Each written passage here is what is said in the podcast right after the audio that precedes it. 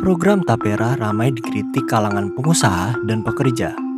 Iuran Tapera dinilai semakin membebani di saat perekonomian yang sedang terpuruk karena pandemi COVID-19.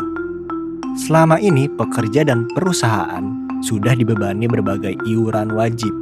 Setidaknya ada empat komponen yang sudah dipotong dari gaji pekerja. Pertama, iuran BPJS Kesehatan sebesar 5%.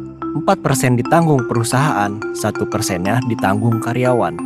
Kedua, jaminan hari tua BPJS Ketenaga Kerjaan sebesar 5,7 persen, 3,7 persennya ditanggung perusahaan, 2 persen ditanggung karyawan.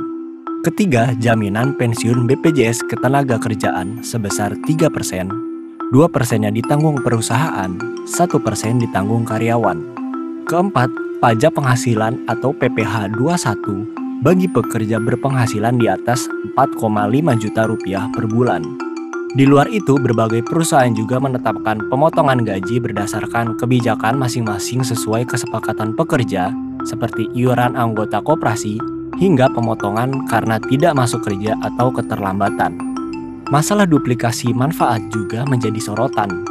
Manfaat kepemilikan rumah dalam program Tapera dinilai mirip dengan program manfaat layanan tambahan atau MLT BPJS Ketenagakerjaan yang memberikan fasilitas pembiayaan perumahan bagi pesertanya yang belum memiliki rumah.